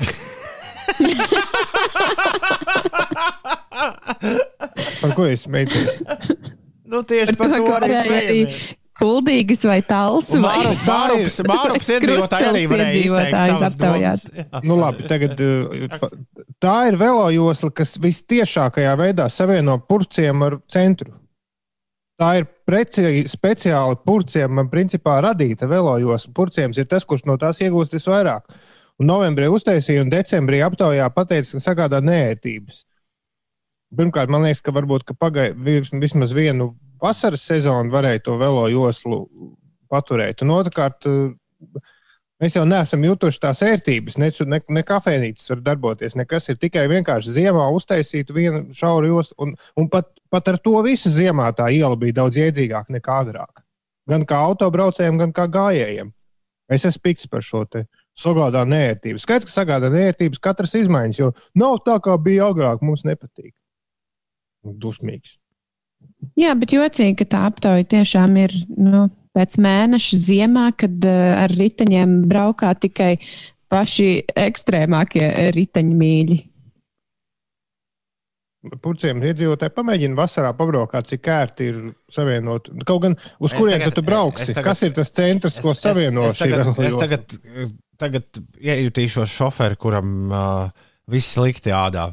Kurš teikt, jā, dēļ tā, ka kaut kādā vienā gada laikā tagad vizināsies, dēļ tā man jācieš visus gada laikus. Jā, dis, Jā, diskusijas ka- turpinās. Visi purciem sabiedriskais transports iet pa čaku ielu, tāpēc arī sagādā nērtības. Un Tā vēl josla ir miskasti. Nu, nu, Nu, purciem varbūt varētu sākt braukt ar Sa velosipēdu. nevis Saula prasa, Ulu, tev kā šoferim bija ērti čaka ielā. Protams, daudz iedzīgāk. Tur vairs nav spiešanās. Tur nekad nav bijušas četras joslas. Tur Jā, es īstenībā pašā sākumā, kad tikko šo ielu izveidoju, tad es arī biju, nevis ielu, bet uh, velo joslu iz- izve- izveidoju. Es arī biju mazliet pikti, jo man likās, ka to varēja izveidot nevis uz brauktuves, bet, bet uz ietves rēķina. Bet uh, tagad gan ar mašīnu, gan ar velo pa šo ielu braucot, es saprotu, ka man arī patīk tas, ka neviens nemēģina saspiesties divās rindās vienā virzienā. visi mierīgi. tur vienkārši iela nav vietas daudz- tam, Tā jā. iela ir daudz mierīgāka. Gan kā gājējiem, gan kā autobraucējiem. Šeit tev. Un centrā nav vajadzīgs ātrgaitas šoseis. No, we don't need that in a city center. Tā ir, tā ir, tā ir. 8, 11. Kur man te bija mieru, tikai mieru uh, jingliņš? Man šķiet, noderētu šorīt. Mieru, Nu jā, viss nu jau tikai mieru. Mierīgi, mierīgi. Viss kārtībā. 8, 11. Pirmdiena, 22. marts. Šeit pieci rīti.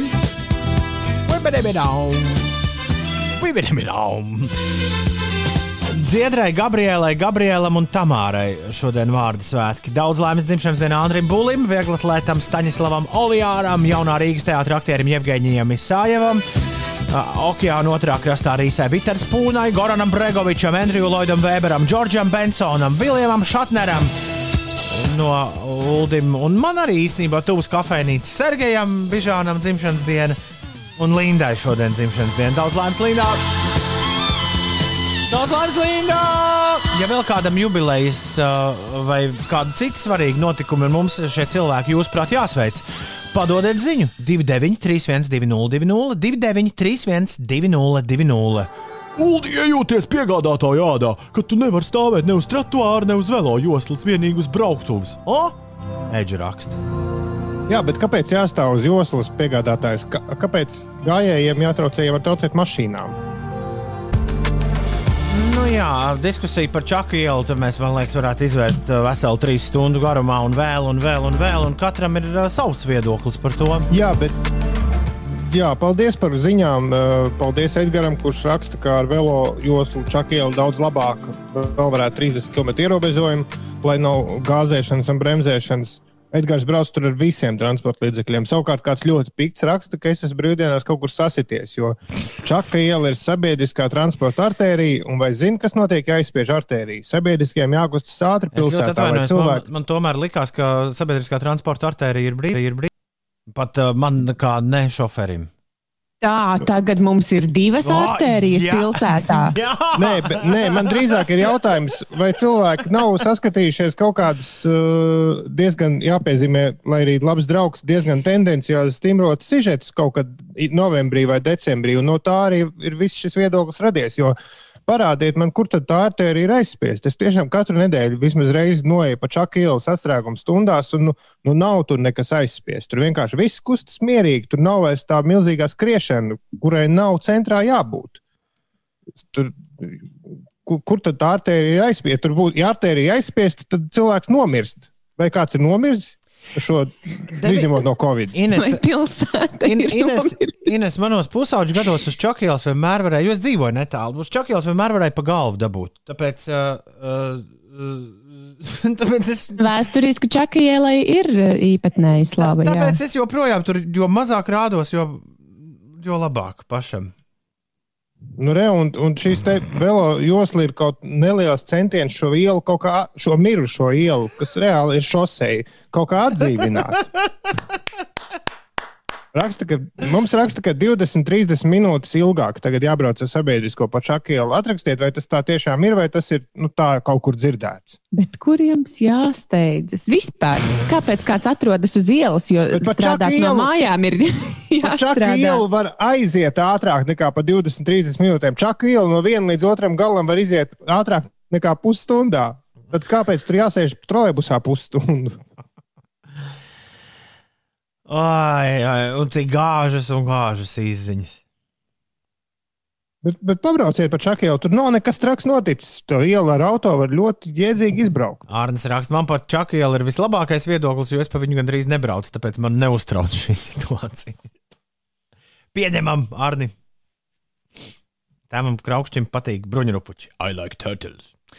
Labi, man šķiet, ir pienācis laiks mums laist Artu Wolfu pie vārdu, jo viņam vakar bija atkal iespēja apkopot datus par Latvijā vispopulārākajām dziesmām. Laiks uzzināt, kas ir numur viens šobrīd Latvijā. Art Wolf, lūdzu! Sveiciens pieciem rītiem, sveiciens visapkārt visiem, visiem, visiem. Tie ir Arts Volfs un Latvijas top 41. desmitnieks. Šonadēļ izskatās šādi. Latvijas top 40. Desmit, Uz augšu par divām pozīcijām - Edge Sheerans un Afterglow. 9, plus 5 vietas, Doja Cat un Streets, 8, plus 3 pozīcijas, citi zēri ar parādi, kas tas ir, 7, uz augšu par 10 vietām, Masked Wolf for Astronauts in the Ocean, 6, atgriešanās topā, tik pāri. 5. Mīnus viena pozīcija, Chesto un The Business. 4. Uz leju par vienu pozīciju, ATB, Topic un A7S ar Your Love 9PM. 3. Kritums par vienu pozīciju, Olivia Rodrigo ar Driver's License. 2. Plus 3 pozīcijas, Return, Nightcrawlers, Mufasa un Hyperman ar Friday. Un pirmajā vietā nekas nav mainījies, tur joprojām ir The Weekend ar Savior Tears. Latvijas top 40, numur viens. Tears for another day. Yeah, yeah. Nu, re. The weekend. Joprojām numur viens Latvijā. Kā jums tas patīk, Ines un Uldi? Varēni. Es zinu, tu būsi mans draugs. Izrādās arī saulainā pavasarī šī dziesma skan vareni un uh, iekrāso dienu. Es ceru, ka jūs tieši tā sajutāties. Es zinu, tu esi. Pērnā gada dod 5 labdarības maratona himna. 8 un 9 Ines piedod, bet uh, beidzot tev ir jāstāsta, kas notiek. Jā, man likās, ka Uldis vēl gribēja mazliet par Čakielu To viņš- paturpināt, bet uh, to viņš Katrā pagūs. ziņā. To viņš pagūs. katrā ziņā, kamēr mēs te ņemamies par Čakielu, tikmēr Islandē aizvadītajās brīvdienās ir eh, izvirdis vulkāns netālu no Reikjavīkas, aptuveni 30 km attālumā. Tad jau sekosim līdzi, kas tur notiek. Un Austrālijas dienvidu austrumos plūdu dēļ evakuēti vairāk nekā 18,000 cilvēku. Dabas stihija apdraud arī lielāko pilsētu Sidneju un tās apkārtni. Plašos plūdus valstī izraisīja lietusgāzes, kas turpināsies vēl vairākas dienas no krastiem Jaundienvidu Velsas un Kvīnslendas štatos izgājušas daudzas upes pārrautu aizsprost un izskaloti ceļi, un no piekrastes rajoniem un Sidnejas apkaimes, jā, kā jau teicu, 18,000 cilvēku ir evakuēti no savām mājvietām. Par laikapstākļiem eh, pašmājās šī diena būs eh, visai saulaina. Bet šī būs nedēļas vēsākā diena. Gaisa temperatūra nepakāpsies augstāk par plus 6 grādiem. Saulainākais laiks saglabāsies vidzemē un latgalē, bet valsts rietumu pusē saradīsies arī mākoņi. Vietām gaidām īslaicīgi nokrišņi, pūtīs mērens ziemeļrietumu vējš, un valsts centrālajā daļā, arī austrumu daļā, tas sasniegs brāzmās 13 m2. Rīgā spīdēs saule, iespējams īslaicīgs sniegs un plus 3 grādi. Uldis gribēja Kasparam atbildēt. Uh, uh, Kaspars raksta, interesanti, ka radio tagad kultivē tikai bezbērnu hipsteru viedokli, kuri paši arī nedzīvo uz čakielas. Vai esi kaut reiz ap pieciem tur braucis ar autoziediņu, kungs? Un ja jau šobrīd ir tik slikti, vai iedomājies, kas būs pēc covid? Ir taču blakus barona iela ar speciālu riteņbraucēju joslu, vai ar to nepietiek? Kāda barona ielā nav speciāls riteņbraucēju joslas, tur ir tikai rekomendējošā uh, pseido josla.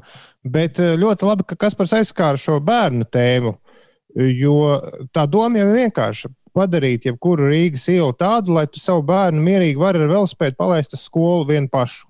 Vai arī izbraukt ar, ar, ar bērniem, vienkārši iziet ārā. Šobrīd Rīgas centrs nav bērniem draudzīga vide. Un šim nav nekāds sakars ar hipsteriem. Tas ir vienkārši absolūti. Nu, Mums vairāk cilvēku rakstīja, lai Čaka iela kļūtu par šo sabiedriskā transporta artēriju. No tās jāizvāc mašīnas. Nu, man liekas, Vērtākais veids, kā to izdarīt, ir uh, velo josla un ātruma samazinājums. Nu, respektīvi, vis, visā šajā nākotnes plānā, kurš, kurš nu, tas nav nekāds hipster plāns, tas ir absolūti loģisks plāns, uz ko visi mēs ejam, ir tas, ka sabiedriskais transports, protams, ir prioritāte. Bet, uh, lai tas tāds būtu, automašīnas ir pašā, pašā pēdējā vietā.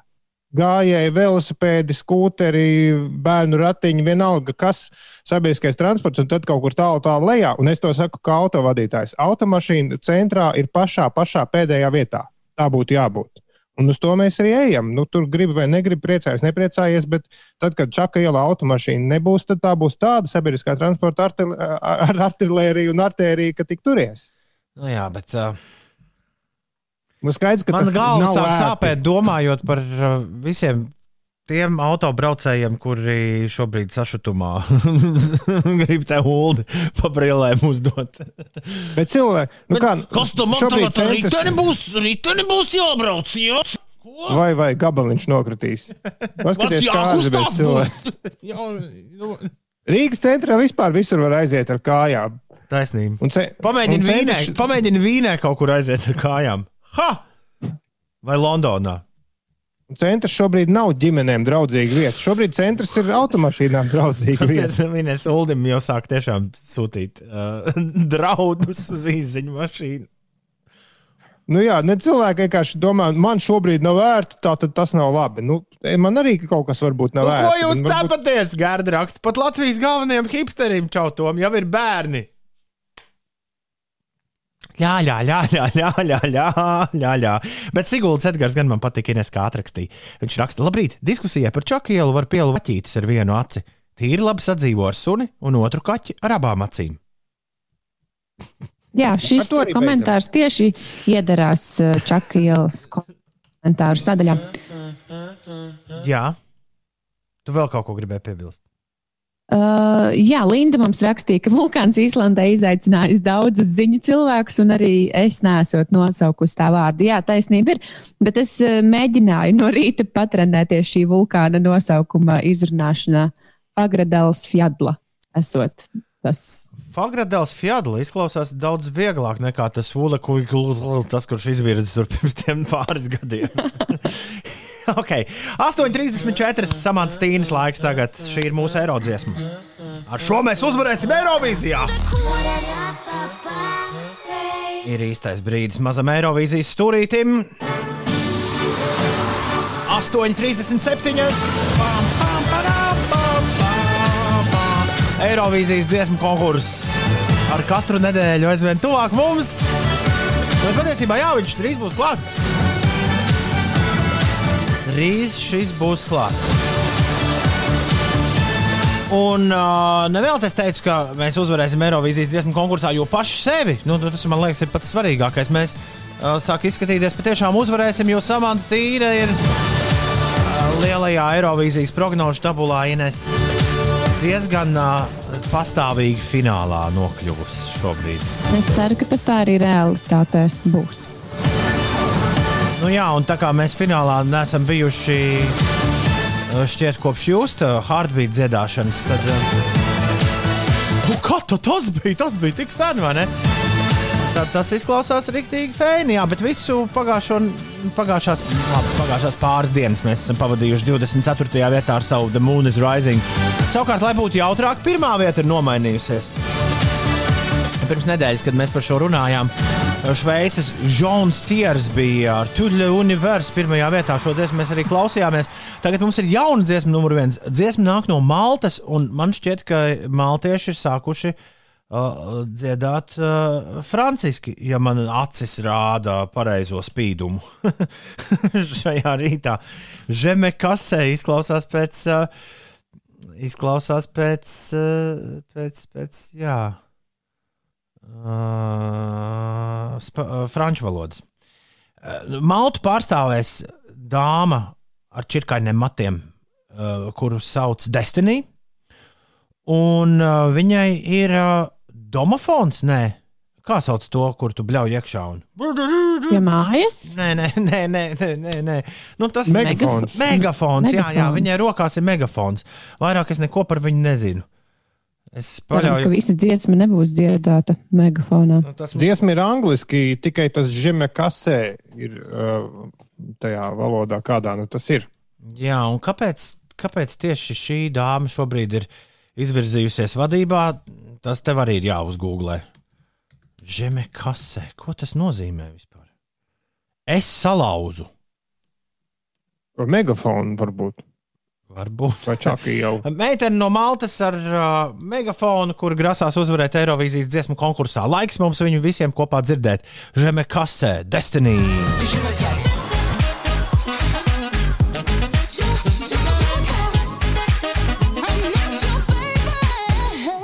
Okay, šī arī izklausās kā dziesma, kas varētu vinnēt Eirovīzijas dziesmu konkursu.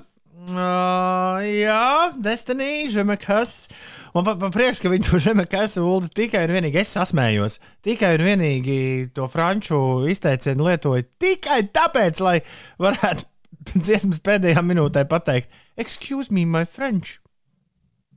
Hm. Uh, kādas jūsu Nu, tā uzmanīgi? Nu, ļoti, ļoti uzmanīgi. Nav Nu, nevarētu teikt. eiroviziski. Jā, ka šī dziesma būtu, piemēram, mana mīļākā Eirovīzijas dziesma. Maltā, man liekas, uz katru stūri. komplimentu. Man liekas, Maltā katru, uz katru stūri kaut kāda skan. Jūs neesat Maltā bijuši. Pārējie Inesēji, tagad es sāli bēršu uz brūcēm. Nē, nē, piedod. Jā, jo es eh, pagājušajā pavasarī biju ieplānojis braucienu uz Maltu, un tas eh, izčabēja gaisā. Jā. Malta man. Malta man tiešām saistās ar to, ka tur no taksometriem milzīgā skaļumā skan ļoti, ļoti drāmīga popmūzika. Uh, šajā gadījumā ļoti drāmīga ar uh, pluszīmi. Es nezinu, kā tas vai jūs varat noķert, ko es ar to domāju, bet nu labi. Vienalga. Uh, 8,44 ir pareizais laiks. Liksim nu šo mierā. Tad jau redzēs, kā ies Destiny un Žemekasē. Līdz Eirovīzijas dziesmu konkursam mums jautāja. Uh, Aija viņa prasīja, kad būs Eirovīzija, kuros datumos. Līdz Eirovīzijas dziesmu konkursam atlikušas ir 57 dienas, un īstie datumi šogad ir 18, 20 un 22 maija. Un Latvija startē, kā arī mēs pirmo reizi varam balsot par uh, citiem pusfinālistiem 20. maijā, 20. māja, 4. vakarā. Un vai tik nav pirmā reize, dēļ tā, ka viņi ir to hokeju čempionātu pabīdījuši, kad uh, mūsu Eirovīzijas nedēļa nesakritīs ar, uh, nē, tieši 21. maijā sāksies hokejs. Bet jā, uh, pirmo reizi būs tā, ka Eirovīzijas vismaz pusfināla vakarā nekāda hokeja nebūs. Hokejs sāks 21. Jācer, ka mūsējiem spēle nebūs 22. Nu, lai mēs to finālu varam visi tā mierīgi paskatīties. Tā, tik tālu tātad par kalendāru. Tagad Ines izstāsta, kas notiek. 8,45 jau.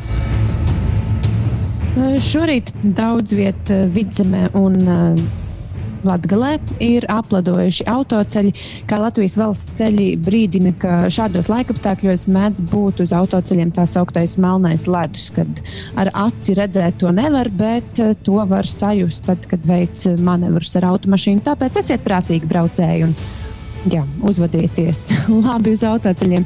Nacionālās hokeja līgas eh, vakar agrajā spēlē Pitsburgas Penguins ar rezultātu 1-2 piekāpās Ņūdžersijas Devils spēlētājiem. Zaudējumu Pensilvānijas komanda piedzīvoja pagarinājuma trešajā minūtē, un Pitsburgas komanda turpina spēlēt bez Bļūgera, kurš ir guvis ķermeņa augšdaļas eh, savainojumu. Latviešu atgriešanās laukumā vēl tuvākajā laikā netiek, diemžēl, paredzēta. Tālāk par pašmājām vēl Latvijā ir konstatēti saslimšanas gadījumi ar Covid-19 Dienvidāfrikas paveidu. Tā šorīt uh, Latvijas radio pastāstīja veselības ministrs Daniels Pavļots. Un vēl pašmājās ir noslēgusies uh, brīvdienu nedēļa uh, skolēniem un tie, kas Tie, kas dzīvojās pa mājām, tie turpina dzīvoties pa mājām, bet ir atsākušās mācības uh, neklātienē. Protams, atsevišķās vietās, ja nemaldos, bija 36 novados skolēni, 1 līdz 4 klases skolēni var iet uz skolu. Oi, Vārtsargs Emīls grib provocēt. Viņš prasa, kas ir svarīgāks, hokejs vai Eirovīzija? Manuprāt, tur nav jādomā. Nu, tik vien kā Eirovīzijas finālam ir nu, 30 reizes vairāk emīļu skatītāju nekā hokeja čempionātam. Tas viens, bet patiesībā viņi ir pilnīgi līdzvērtīgi. Jo mūsu izredzes uzvarēt kā vienā, tā otrā, manuprāt, ir visai tuvas nulē. Galvenais - labi nostartēt, vai ne? Atkal klusums. Jā, Atkal es, skat, es tagad skat, es skatos, cik cilvēki skatās pasaules hokeja čempionātu.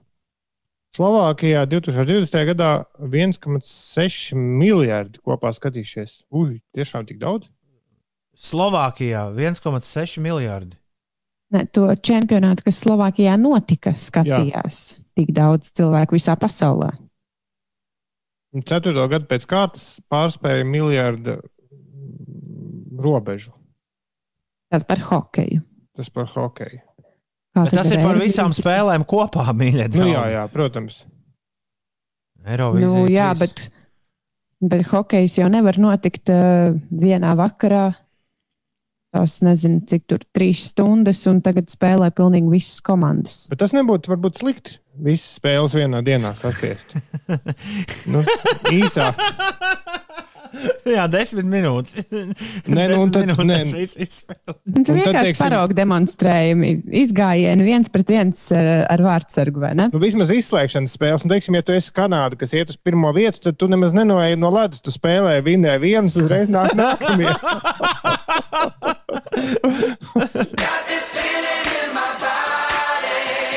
Justins Timberlakes ar Can't Stop the Feeling. Redzēs, vai šogad Eirovīzijā arī būs kāds, kāds ārzemju viesis, kāds superstarrs. Pēdējā laikā jau pierasts tur Timberlake, Madonas gozējs. Varbūt var ielikt uh, burbulī kādu Justinu Bieberu, piemēram, šogad.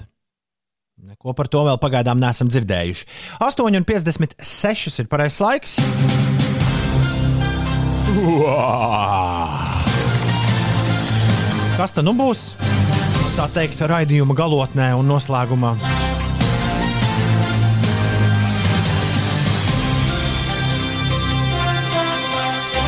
Skaidrs, ka būs interesantās ziņas. Kā ziņo WGCL TV, kāds vīrs ASV Džordžijas štatā pērnā gada novembrī ir devies pa savu darba devēju uzņēmumu Volker Luxury Autoworks. Viņš devies pie savu darba devēja uzņēmumu Volker Luxury Autoworks, lai iesniegtu atlūgumu. Darba devējs iesniegumu pieņēmis, taču bijis ļoti neapmierināts ar šādu darbinieku lēmumu. Tik neapmierināts, ka vairākus mēnešus nam izmaksājis darbiniekam vārdā Andrejās pienākošo algas atlikumu 915 dolārus. Kad darbinieks kaut kad šī gada sākumā vērsies darba inspekcijā, bijušais šefs beidzot saņēmies un izmaksājis naudu, taču ne tādā veidā, kā to droši vien gaidīja eks-darbinieks. Kādā jaukā rītā viņu pie nama durvīm sagaidījusi naudas čupa. Vairāk nekā 200 kg smaga sīknaudas kaudze, kas turklāt nolieta ar kaut ko eļļai līdzīgu. Kaudzes augšā atradusies lapiņa ar diviem vārdiem. Pirmais sākas ar F, un otrais beidzas ar U. Aizgājušā darbinieka draudzene video ar šo 915 dolāru vērto šmuci ielikusi Instagram, un stāsts aizgājis vairāk. Taču bijušais priekšnieks nav atzinies nodarījumā, un, kad ar viņu sazinājusies presa, viņš paraustījis plecus un teica, kāda starpība, bet savu algu taču viņš saņēma, vai ne? tas nu gan ir Pitsbuks, tas bijušais priekšnieks. Raks var palikt. Izrādās, ka mūsu kolēģi no Latvijas Radio 2, Mārtiņš Ruski, kurš starp citu jau apcēšanās ar Žanetu Dinsbergu ir mainījis uzvārdu un tagad oficiāli ir Mārtiņš Kanters, ar britu mūziķu Fatboy Slim vieno kas vairāk nekā tikai mīlestība pret labu mūziku kādā britu podkāstā atklājies, ka Fatboys Lima īstajā vārdā Normans Kuks pirms septiņiem gadiem Brightonā, Lamanča kanāla krastā iegādājies kafejnīcu The Big Beach Cafe, un tagad pandēmijas laikā aiz garlaicības sācis pats apkalpot klientus. Atgādinām, ka arī mūsu kolēģis Mārtiņš kopā kopš pagājušās vasaras tirgo kafiju olainas pusē, kā arī viņam ir izbraukuma vagoniņš. Desmit mēnešus sēdēju mājās un skatījos uz sienām, bet tad sapratu, ka ilgāk nosēdēt uz vietas vairs nevaru. Tas sāka ietekmēt manu mentālo veselību, un es sapratu, ka ir jādara kaut kas, vienalga kas. Tā nu es sāku strādāt kafejnīcā, un izrādās tas ir lieliski, kā ziepju operā. Katru dienu kaut kas notiek, un esmu diezgan labs viesmīlis, stāsta DJs, kurš atbildīgs ir gan par Rockefeller skangu, gan par Preiziju, un vienreiz arī salacgrībā baigo ballīti šis uztaisīja. Es neesmu apgūlis kafijas mašīnu, to lai dara baristas, bet es esmu diezgan labs pie galdiņiem. Īpaši jautri tas, ka daļai apmeklētāji nav ne jausmas, kas viņiem pienes kafiju. Es esmu maskā, un pusē klientu viss ir vienalga. Toties otra puse zinoši smaida. Tā stāsta DJs, kurš, kuram arī man jāsaka par, uh, paldies par to, ka es esmu reiz vispār. Uh, Kā diskžokejs uz skatuves uzkāpis. Normāns Kukas, visu DJ DJs, tagad barista. Jā, darbie dīdžeji, ja jums nav ko darīt un mentālā veselība sāk pieklibot šajos laikos no tām online diskotēkām, varbūt tiešām tūlīt vasaras kafejnīcas cerams tām ļaus strādāt. Jāiet, jāiet apkalpot cilvēki. Bet es tādu kafejnīcu, kur tikai dīdžeji. Nu, Mārtiņš Ruskis kanters taisa kafiju un, un, un kādi pieci dīdžeji dažādi tur apkalpo. Es kāpēc man smiekli nenāk? Man smieklīgi, ka zinu, šāds nu, jā, scenārijs. jā, jā. Šajos laikos viss visādi var būt. Lūk, labi, līdz ar to mēs arī liekam punktu. Ja kāds mūs dzird Lielbritānijā, man liekas, ir vērts Brightonā. Tas bija. Jā, jā vērts aizšaut uz Brightonu, kafiju iedzert jūras krastā. Normanam Kukam čau pateikt, bet visiem pārējiem, lai forši pirmdiena mēs būsim apakaļ rīt, starp 6 un 9. Taču tagad puķekā ziediņš un grēviņš tev saka visu labu! À, Tā! tā!